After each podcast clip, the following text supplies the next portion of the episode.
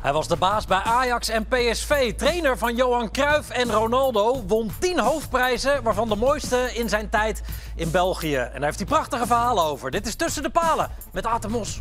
En daar is Van Persie met een prachtig doelpunt, zeg. Ruben Nistelrooy gives Manchester United the lead. Dennis Bergkamp, oh! Ja!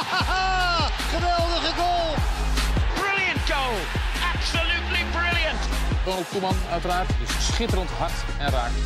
Dirk Kuyt does what he knows best. And that is brilliant. Aad, welkom. Eh, geweldig dat je er bent. Eh, eerste paal voor jou, tweede paal voor mij. Eh, We zien elkaar vaak, de kijker ziet jou natuurlijk ook vaak eh, hier bij Ziggo Sport. En we kennen je als nou ja, voetbalverslaafd, kunnen we makkelijk zeggen. Wij hebben jou een lijstje voorgelegd natuurlijk met jouw favoriete momenten. uit je eigen carrière, die natuurlijk ontzettend rijk is. Vond je het moeilijk om het samen te stellen? Of had je bij alles meteen zoiets van, oh, die en dat en dat moment? Nou, er zijn natuurlijk heel veel mooie momenten die, je- die je nooit meer vergeet. En ja, dat was natuurlijk één, één hoogtepunt. Als je finale speelt, dan heb ik altijd gezegd, hè, omdat je, dan moet je hem winnen. Er is niks eh, triester dan eh, een finale spelen en een verliezen. Die heb ik ook meegemaakt. Ik heb eh, dus die wedstrijd Ajax KV Mechelen gespeeld en gewonnen. Ja, Gelukkig. En twee jaar later een finale met Anderlecht tegen Sampdoria.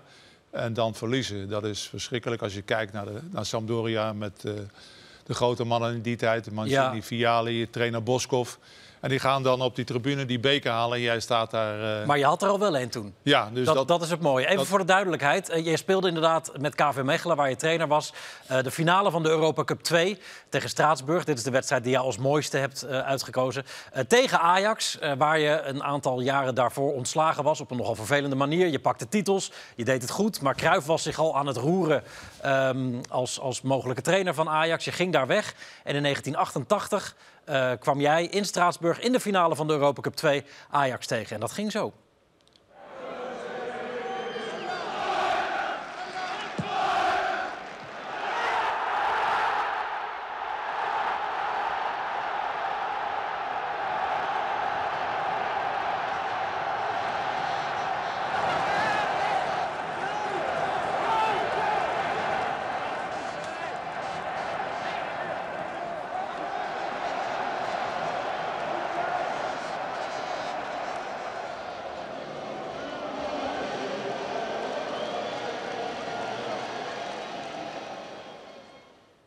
Weet je de datum nog uit je hoofd? eh, 11 mei 88. 11 mei 1988. Ja, dat vergeet Klopt. je nooit meer. Nee. Ja. Was dit de mooiste dag uit je leven? Je werkende leven? Ja, ik denk eh, dat is natuurlijk een droom als je tegen je ex-club, eh, waar, waar je onterecht bent weggestuurd, na vijf jaar. Als je dan eh, de mazzel hebt dat je, je, je had in die tijd natuurlijk de Europa Cup 1, je had twee en natuurlijk de eh, UEFA Cup, dus het waren drie toernooien. Dat je dan toevallig in twee ook nog eh, tegen Ajax komt te spelen. En dan de finale allebei halende. En dan eh, eigenlijk eh, de underdog bent. Niemand gelooft eh, dat, eh, dat je Ajax kunt verslaan. Ze hadden de, de jaren daarvoor hadden ze ook al de Europa Cup 2 gewonnen. Met Cruijff, dacht Ja, ik. eh, tegen Leipzig. Ja, Ja, van Basten. van Bassen met die goal. En dan, eh, nou, wij geloofden er wel in. Ja, en voor de duidelijkheid, Mechelen was een, een kleine club toen. Tenminste, er was geen Anderlecht. Het was een eh, onbekende club. Maar wel met ambities. de voorzitter die, eh, die had mij dan gescout, zeg maar, tussen aanhalingstekens. Hij wilde het nog één keer proberen met een, met een jonge trainer. Dat zei hij ook tegen mij. Hij zei, ik heb zoveel geld geïnvesteerd. Ik heb diverse trainers gehad. Het is me niet gelukt. In februari 86 werd ik s'nachts gebeld door eh, de Raad van Beheer in België. Met Cordier aan de lijn, s'nachts om half twee in Den Haag. En eh, hij zei, eh, wilt u volgend jaar in de eerste divisie beginnen of in de eredivisie? Ik zeg, hoezo voorzitter? Hij zei, ja, we hebben net besloten dat we de trainer gaan ontslaan. En we zouden graag hebben dat u wat eerder ging beginnen. Ik zeg, oké. Ik zeg, ik speel ook liever in de eredivisie. Dus ik heb dat toen direct overgenomen. Zaterdagavond gebeld, zondagmorgen me voorgesteld. Maandag begonnen met de training. En ik heb eh, Mechelen toen eh ten nauwernood kunnen redden van degradatie. Dat was wel een, eh, een voordeel ook. Bleef in de eredivisie natuurlijk. Maar daar- daarbij ook kon ik een goede inventarisatie maken van de kwaliteiten van de spelers. Op de tribune analyseren is leuk Ja. en aardig. Maar als je met de spelers werkt, op de trainingen en ze in de opstellingen... en je kijkt hoe ze spelen vanuit jouw organisatie... dan krijg je eens een ander beeld. Hè, wat voor types het zijn. Eh, je doet dan gelijk eh, ontdekkingen die van belang zijn. Dus je kon ook al direct voorselecteren op het hele seizoen wat daarna kwam. En dat heeft zijn voordelen gehad, want we pakten direct eh, De beker. de Belgische week. Ja, en daarom kwam je dus een, een jaar later in het eh, toernooi voor bekerwinnaars in de finale. Waar de goal werd gemaakt door een Nederlander die eh, de wat jongere kijker misschien wel helemaal niet kent. Nou ja, praat maar even mee, Aad. Want het is ook de manier waarop hij valt, is ook eh, bijzonder, toch? Ja, nou ja, we hadden de, de voorzet, die komt van Elio Ghana. Dat was een buitengewone speler. Kenners die zeiden altijd dat is een fenomeen. Dat was het ook. Die kon uit stand kon die hier verlaten uitspelen. En dan op de training hier gaat hij. Dan komt en dan zie je Pieter Boer naar de eerste paal lopen. Larsen is te laat. Zweedse voorstopper van Ajax die tijd. En mensen wordt geklopt. En die goal die hadden wij eigenlijk eh, al duizenden keer eh, geoefend. Ja. Vanaf de rechterkant, vanaf de linkerkant.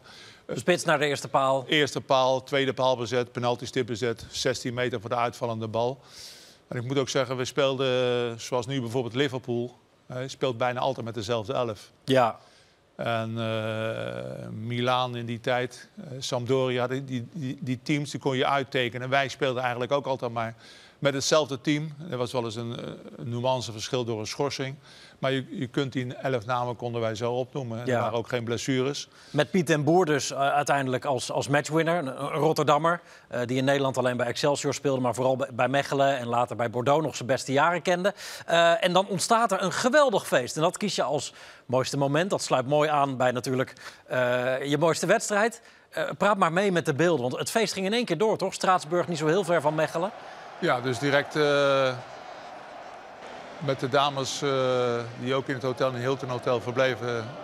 Spelersvrouwen gelijk mee terug naar het vliegtuig, in het vliegtuig in. En dan landing in eh Zaventem in, Brussel.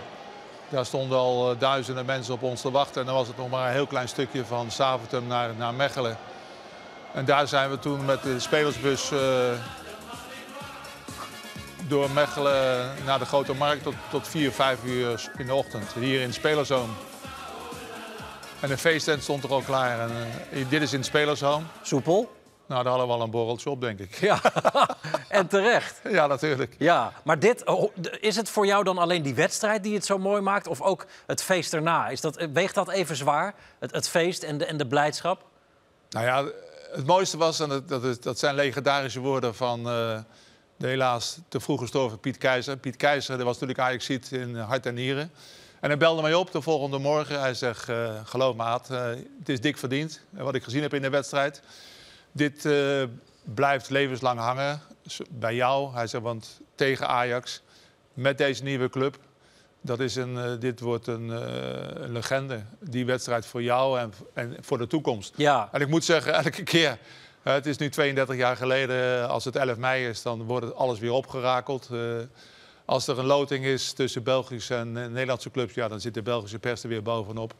En het was ook de laatste finale in België die gespeeld werd door een Belgische club, maar ook werd gewonnen. ja, ja duidelijk. Ehm, de spelers wa- waren echt dol op jou hè, in die periode. We hebben een quote eh, gekregen van de collega's van Sportza. eh, van Koen, Koentje Sanders. Sanders. Die vertelt eh, wa- wat hij allemaal voor jou wel niet zou doen. En hoe belangrijk jij voor hem bent.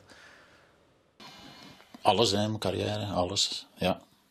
Ik mag dat zeggen. eh, het is een speciale Atemos, maar ja, hij is gekomen en eh, alles wat dat hij vroeg, eh, deed ik en alles lukte. En ik heb hem dan eigenlijk gevolgd, eh, blindelings, hè, die drie jaar. Ja, blindelings volgen, dat, dat ging soms ver. Hè.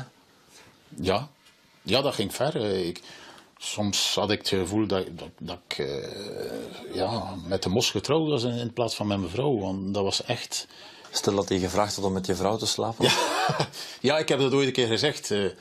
ja, misschien wel. Ik weet het niet. ja, ik zag mijn vrouw dan nog niet zo graag als nu. Maar Hij meent het. Ja. Ja. We gaan door, want we hebben maar een half uurtje aan. en er is veel te bespreken nog. Ehm, met jouw favoriete speler. Laten we even kijken wie dat is. Eén tipje van de sluier. Die komt ook uit die ploeg van Mechelen. waarschijnlijk met dat linkervoetje. Ja, reuze save van Prudhomme. Knap geplaatst. We moeten rekening mee houden dat Prudhomme die bal niet ziet komen, pas slaat. Ja, KV Mechelen wint de beker. Een eh, terechte bekroning van een groot seizoen. Michel Prodom, Ja. wat een keeper. Ja, was ongekend. Ook een, een story aan vooraf gegaan natuurlijk. Eh Cordier zei, oké, ik laat het aan u over, wat wil u doen? Nou, we hadden in die tijd hadden ze ook een behoorlijke keeper, eh, Theo Kusters, maar die was eh, einde Latijn. En eh, die had wel een machtspositie gecreëerd binnen, binnen het oude elftal van KV Mechelen. Maar ik wilde echt een moderne keeper hebben, die dus nog een tijdje vooruit kon. En beter was als, als, als Theo Kusters. En ik had Prudhomme al een keer gezien in mijn Ajax-periode in een toernooi in Parijs. Eh, bij Standard Luik. En Standard Luik had toen een, eh, twee hele grote eh, keepers. Baudard, Ja, Gilbert Baudard en Michel Prudhomme. Nou, Prudhomme keepte, wat je nog wel eens vaker ziet nu in moderne voetbal ook, alleen de bekerwedstrijden en de Europese wedstrijden. En Baudard was de vaste keeper in de competitie. Dus ik heb al mijn kaarten toen op, eh op Prudhomme gezet om die te halen naar eh KV Mechelen. En eh, dat, is, dat is me ook gelukt. ja en, en dat betaalde zich uit ook. Ja, met, was- met prijzen natuurlijk. En eh, nou ja, werd uiteindelijk de beste van de wereld. Ja, nou ja, dat... In die jaren groeiden al die spelers natuurlijk naar een bepaald niveau. De- Ik denk dat de hele ploeg bijna international was. Ook de Hollandse jongens, Hofkens, Koeman niet te vergeten. Wat, Ballen- wat maakte Prodom zo goed? Nou, Prudhomme die had een, eh, een afzet, dat heb ik nooit van mijn leven meer gezien. Die, die bij de, bij de penaltystip de ballen boven de koppen van de spelers weghaalde. Zijn reflexen, zoals deze bal van Caranta, uit de kruising. Het is, de zadeleer zei het al, hij ziet eh, de bal niet komen, maar hij, hij is met zijn detente, zijn afzet is hij zo geweldig. Ja. Zijn reflexen. Betrekkelijk klein. 1,83 was Ja. hij. Maar, is hij maar. Ja. En als je dan de beelden ziet eh, van eh 94 in Amerika, daar wordt hij de beste keeper ter wereld. Tegen Oranje. Tegen Oranje. En eh, hij was natuurlijk ook eh maniacaal. Hij was, eh, als wij een thuiswedstrijd of een uitwedstrijd speelden... voordat we dus de Europa Cup speelden op woensdagavond... en hij had weinig werk, dan kwam hij zondags, was het uitlooptraining... En dan liet hij zich eh, afjakkeren anderhalf uur door de keeperstrainer... omdat hij vond dat hij te weinig werk had gehad. Terwijl de anderen zouden zeggen, oké, een beetje verzorging... en anderhalf uur of een uurtje, dan ga ik naar huis toe naar mijn gezin. vrije, vrije zondagmiddag nog en dan eh, morgen trainingskamp. Maar hij eh, liet zich gewoon anderhalf uur af, eh, afmatten. ja. Verplicht ook de medische staf om dan ook te blijven, want hij wilde nog gemasseerd Oh, worden. ja? Hij, nam, hij nam zijn tijd. Hij is tot zijn 40ste doorgegaan ook. Ja, maar dat, dat heeft was- hij daardoor. Nou ja, keepers kunnen sowieso wat langer mee. Maar dat heeft ook wel geholpen, denk ik dan. Ja, nou ja, ik heb zelden een, eh, een grotere prof meegemaakt als, als Preudom. Gaan verder, Aad, met eh, het mooiste doelpunt. En daarvoor heb jij er eentje gekozen eh, van Luc Nielis in het shirt van Aston Villa. Eerst even kijken. Nellis trying to get across LeBeuf, and he's done that! Oh, fantastic goal! Luke Nellis, a flash of real quality. 1-0 Aston Villa. Well, they may have waited six years for this goal, but it was well, well worth waiting for. This is so typical of forwards against defenders. Alan Wright again. Look how high up the pitch he is. But watch Nillis. LeBeuf waits. Lillis does it. But what a volley. Flick up with the right foot. Volley with the left. Ja, in deze goal zit alles wat Luc Nielis als voetballer was. Hè? De, de brieën, de power, eh, de, de pure klasse. Zelden een speler gezien met zo'n gave traptechniek in beide voeten. En zelfs met zijn hak heb ik een goals gemaakt bij Ja, PSV. ja. En eh, ook bij eh Anderlecht, in mijn periode bij Anderlecht. Hij was eh, geniaal. Ja, je hebt hem bij Anderlecht en bij PSV eh, gehad. Ja. Bij Anderlecht was hij al, volgens mij. Maar je hebt hem uiteindelijk naar Eindhoven gehaald. Ja, nou ja, dat was... op een dag kreeg ik een, een telefoontje, eh, 0032 eh, 11. Nou, ik wist dat dat eh, dichtbij was, Zonhoven. Maar ik wist niet dat, het- dat het Luc was. Luc Nielis woonde in Zonhoven toen, Ja. nog steeds geloof ik. Ja. En hij, eh, hij vroeg mij eh, of ik interesse zou hebben als eh, hij naar... eh, hij had zijn periode bij Anderlecht eh, had hij gehad. Hij wilde echt weg.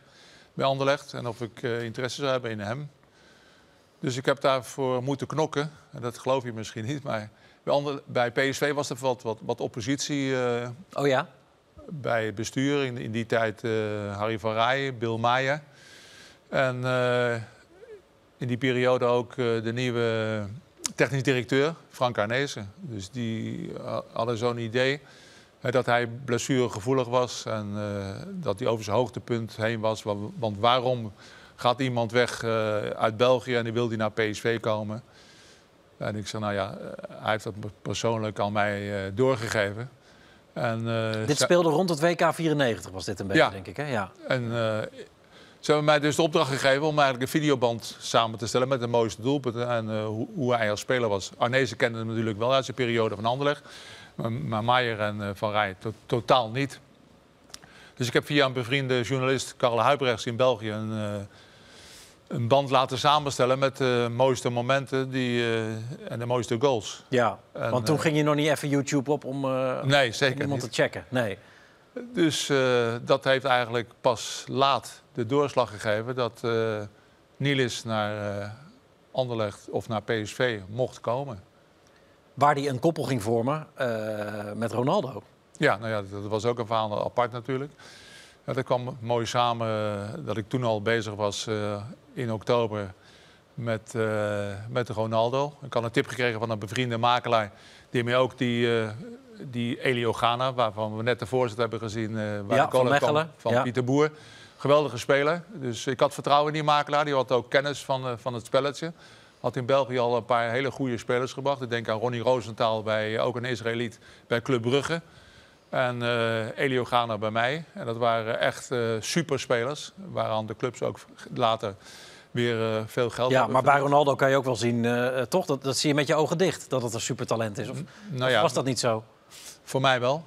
Ik had ook een rapport gemaakt, maar ik had in die periode van twee weken in Brazilië nog wat andere spelers ook gezien in de tweede divisie, niet in de eredivisie. Dus onbekend nog in die tijd. Dat was bij, bij Mochi Mirim, eh, een kleine club in de tweede divisie, had ik Rivaldo gezien. Die ging later naar Palmeiras Corinthians in de grote clubs, maar dan ben je meestal te laat. Dus in mijn eh, advies stond tweede divisie. En eh, ik had ook Roberto Carlos gezien. Die speelde bij eh, Unio Sint-Jao, ook tweede divisie. Aardig Becky. Eh, maar eh, ik stuit opnieuw eh, op weerstand bij het bestuur van eh, PSV. Want die kwamen Ja? met, met, een, met een voor hun logische vraag. Waarop ik eh, geen antwoord kon geven wat zij wensten.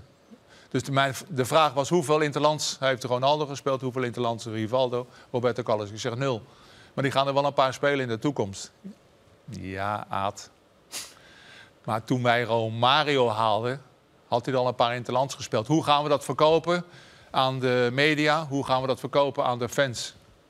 Ik zeg, dat weet ik niet. Ik zeg, maar ik denk als je die drie haalt... en elke speler op dit moment is nog goedkoop. Hij, ze zijn alle drie nog niet ontdekt. Ik zeg, die kost eh 3 miljoen dollar Ja. per stuk. Nou, Ja. die- in die tijd was dat natuurlijk veel geld. Maar het was een lachertje natuurlijk. Eh, als je dat had gedaan, dan hadden ze nog jarenlang ze in de Champions League verder kunnen spelen. Dan hadden we jarenlang kampioen kunnen spelen met Pieter. Visser zegt dat hij hem ontdekt heeft. Nou, vergeet dat nou. Pieter Visser was nog nog niet bij PSV in die periode. Hij heeft hem wel gezien waarschijnlijk. Ja. En eh, er zijn wel meerdere mensen die dat zeggen. Eh, maar dat is, eh, dat is niet waar. En hij zou naar Ajax gaan. PSV heeft hem uit het vliegtuig eh, getrokken zo ongeveer, toch? Of Nou, hoe ging dat? In oktober lagen die rapporten op tafel bij PSV.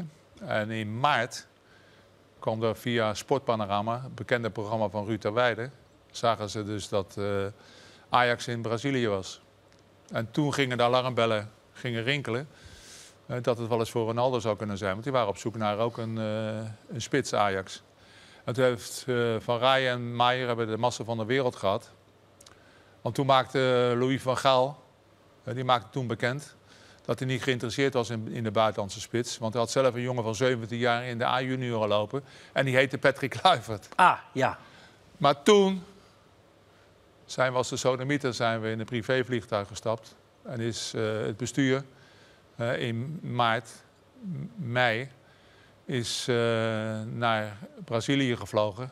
En later zijn we naar Amerika gevlogen om Ronaldo te contracteren Tij- was dat tijdens het WK dan? tijdens het WK. Want hij zat bij de selectie van Brazilië met Ronaldinho op zijn rug. Precies. Geen speelminuten gemaakt. En toen hebben we het voor elkaar gekregen dat Romario op de kamer ging slapen met Ronaldo. Slim. En Romario, Dat hebben jullie voor elkaar gekregen? ja, dus Ja? Dat, dat is eigenlijk door, met Romario omdat, eh, om over positieve dingen te gaan vertellen over eh, de club eh, PSV. En dus met goed geluk is hij nog alsnog bij PSV terechtgekomen. Maar voor het eh, viervoudige, PSV werd onder druk gezet door eh, de makelaar van eh, Ronaldo. En het hele consortium wat er omheen zat. PSV moest afscheid nemen van de hoofdsponsor. Moest een nieuwe sponsor nemen die gelieerd was aan Brazilië. In die Nike. tijd Nike. Ja, ja. PSV moest ook nog een speler, een kleine speler tussen aanhalingstekens, daarbij nemen in het pakket. Die was ook van de makelaar van Ronaldo, van Petta, niet te vergeten. Best aardige speler ook. Hij heeft zich later via VVV ontwikkeld bij PSV. Is zelfs eh, international geworden. Heeft veel wedstrijden gespeeld. Dus was niet zo'n slechte speler. Dus dat geeft aan dat we eigenlijk te laat waren. En natuurlijk de miskleun is geweest dat we nooit eh, Roberto Carlos gepakt hebben. En dat ze nooit eh, Rivaldo gepakt hebben. Rivaldo gaat naar Deportivo La, Deportivo La Coruña. Ja. Scoort daar 40 keer geloof ik. En gaat dan naar Barcelona. Roberto Carlos hoef ik de kijkers niet uit te leggen. Ja, die ging naar Inter eerst nog, hè? Ja, precies. Ja, ja. We gaan verder met eh, het slechtste moment. En dat, dat is op zich wel opmerkelijk, want eh, het slechtste moment komt voort uit een van je beste momenten. Namelijk, je wordt kampioen met Anderlecht in het Astridpark tegen stadgenoot RWDM, Molenbeek. Eh, club van Jan Boskamp, eh, een klein, klein beetje. Ehm, maar het gaat volledig mis. Laten we even de beelden erbij pakken. En, en vertel jij even wat er gebeurt, alsjeblieft. Want het is misschien voor de jongere kijker niet helemaal duidelijk. Jullie vlak- worden kampioen, zoveel is zeker. Vlak voor tijd, een heel belangrijk moment. Eh RWDM is natuurlijk derby. Alles dichtgetimmerd. hè. En we, komen dan, we spelen een hele slechte wedstrijd. Spanningsveld heel hoog. Je moet kampioen worden. En de grijze, Dat ben jij. Ja, de grijze scoort die, die goal. En dan een minuut of, ik dacht 89 eh, of 88 wat het was. Hoor ik die van der Wijngaard, eh, Frans van der Wijngaard scheidsrechter fluiten. En ik denk, nou het is afgelopen. Dus ik loop al het veld op. Ik was als, een kind zo blij, want ik voelde dat we nog in de problemen zouden kunnen komen. Maar de wedstrijd blijkt niet afgelopen te zijn. Kijk, als Van der Wijngaard gewoon zegt, joh, het is, eh, het is tijd. Maar die, wil, die bleef op zijn strepen staan dat, het, dat er nog twee minuten gespeeld zou moeten worden. Nou ja, een wedstrijd duurt 90 minuten, toch? Ja. Ja. Dus eh, dat was een misverstand. En eh, ja, dat was natuurlijk eh, een doorn in de oog van, van de concurrentie van Club Brugge bijvoorbeeld. En ook wat zich na afloop afspeelde op het veld. Maar de poorten die waren dus open. En dus de mensen konden via de poorten die ze openduwden voor de veiligheid, konden ze daar doorheen lopen. Nou, iedereen viel over me heen. Minister eh, Louis Tobak, nu burgemeester van Leuven. Eh, die, eh, die pakte mij verschrikkelijk aan. In de, media werd ik aangepakt dat het mijn schuld was. Anderlecht die, eh, gaf zichzelf geen schuld dat die hekken open stonden. Dus ik kreeg de volle laag. En ik werd door de Belgische Voetbalbond werd ik geschorst. Het kampioenschap werd gewoon geaccepteerd. En ik werd voor een maand of twee, drie werd ik geschorst. Maar je werd kampioen, maar het ging alleen maar daarover. Ja, dus, maar er moest een zondebok zijn die dus de klappen zou pakken. Dus ik heb die als een grote kerel gepakt. En ik dacht dat ik een wedstrijd of 7, 8 eh, op de tribune of achter de dugout plaats moest nemen in de thuiswedstrijden. Bij de nieuwe competitie. Het klinkt alsof je, eh, bitter is niet het goede woord, maar alsof je het in ieder geval niet heel erg eens bent met hoe het gegaan is daarna. Nee, dat was niet, eh, was, was niet correct. Er waren dus meerdere mensen die daar schuldig aan waren. Dat die mensen zo makkelijk op het veld op konden komen. Want die, die, die, die, die, die hekken die waren dus niet dicht. Die ze dus bij eventueel het affluiten, ze die open willen doen en dan die mensen erop laten. Maar die waren dus al te vroeg open waarschijnlijk. Maar het, het zondebokken ging vrij ver, toch? Zelfs je jasje werd erbij gehaald. We Ja. zagen je in een, en toen was je begin 40, denk ik, Ja. een vrij hippig jasje met een draak Ja. daarachterop. Ja. Dat werd er ook nog eens bij gehaald. Het is een mooi jasje trouwens. Ja, maar mee, vlak, maar- vlak achter me is de perstribune. ja, goede draak. Dus eh, Maar wat vind je ervan dat dat er dan bij gehaald werd? ja, nou ja, dat, ik was in die tijd natuurlijk eh, misschien ook een beetje je tijd vooruit. Eh, dat, dat- dus met, wat betreft mode misschien. En er was een, eh, een jasje waar, eh, waar mensen op, op of aanmerkingen over maakten. Het is niet heel Belgisch misschien ook, eh, eh, eh, jouw gedrag op dat moment. Om zo eh, eh, provocerend dat veld in te komen. Ja, maar dat, dat, eh, je ziet het tegenwoordig ook nog wel bij coaches, wie je ook bent, of je nou Mourinho ziet of Guardiola, wat het ook is. Eh, je zit eh, natuurlijk, eh, je bent altijd favoriet. Je moet kampioen spelen. Je bent Anderleg op dat moment. Hè? En ik voelde me ook verantwoordelijk voor de, voor de hele club, voor ook voor de spelers. Want je begon net met. de spelers hebben veel aan jou te danken bij Mechelen, natuurlijk. Maar andersom ook. Ik was ook gek op de spelers. Ik was ook gek op de spelers bij Anderlecht. Eh, anders kun je niet zoveel succes achter elkaar met twee verschillende clubs doen. Dan moet dat natuurlijk een, eh, een chemie zijn. Ja. Dus ik Nou, was nou, ook verantwoordelijk voor eh, het gevoel van de spelers. En ik wist ook dat we een slechte wedstrijd speelden. Het was voor mij ook een opluchting. Dat is het, opluchting ook. Zeker. Ja, je kreeg een boete na dat voorval. Ja. Wie heeft die betaald? Ik denk zelf. Ja? Ja, ik denk niet dat, dat Anderlecht... we hebben ook wel eens een kampioenschap gevierd... Hè, dat we later de rekening kregen met een aftrekpost eh, van de champagne. Oh ja? Ja, absoluut. Zelf betalen? Ja, zeker. Lekker. Ik dacht dat het zelfs met dit kampioenschap was. Want ik ben maar één keer kampioen geworden met Anderlecht. En er was geen gratis champagne ook, denk ik. Nee. Daar koos je ook niet te slecht uit. Ehm, jij hebt gekozen ook, eh, qua mooiste shirt, ook voor het, het shirt van Anderlecht uit die periode. Je hebt er eentje meegenomen. Ja. Eh, we zien op de achtergrond, die vind ik ook prachtig, dat shirt met... De, de sponsor is... Generale Bank in die tijd. Wat maakt dit shirt zo mooi? Ja, dat is de kleur. De, de- met een witte broek erbij eh, staat dat iedereen eigenlijk goed. En, eh, iedereen was ook trots op, eh, op dat shirt. En ja, dat sprak ook iedereen aan. En ik ben het met de kijkers ook wel eens op wat ik nu gelezen heb de laatste tijd. Dat Ajax-shirt is natuurlijk ook geweldig, met die wit, met die witte kraag daarbij. Dat is door L'Equipe verkozen tot eh mooiste shirt ja, ooit. dit- Ajax begin jaren 70. Dit ja. shirt met dat, paars. Eh mauve, mauve et blanc, zeggen ze Is in het België. mauve, ja? Mauve et blanc. Dus dat is wel heel bijzonder. Ja. Mooi. Ja. Eh, we gaan afsluiten. Dankjewel, Aad, eh, dat je er was. Ja. En u, heel veel dank voor het kijken naar Tussen de Palen. We zijn snel weer bij u terug met een nieuwe gast bij de Eerste Paal. Voor nu dank voor het kijken en graag tot later. Dag.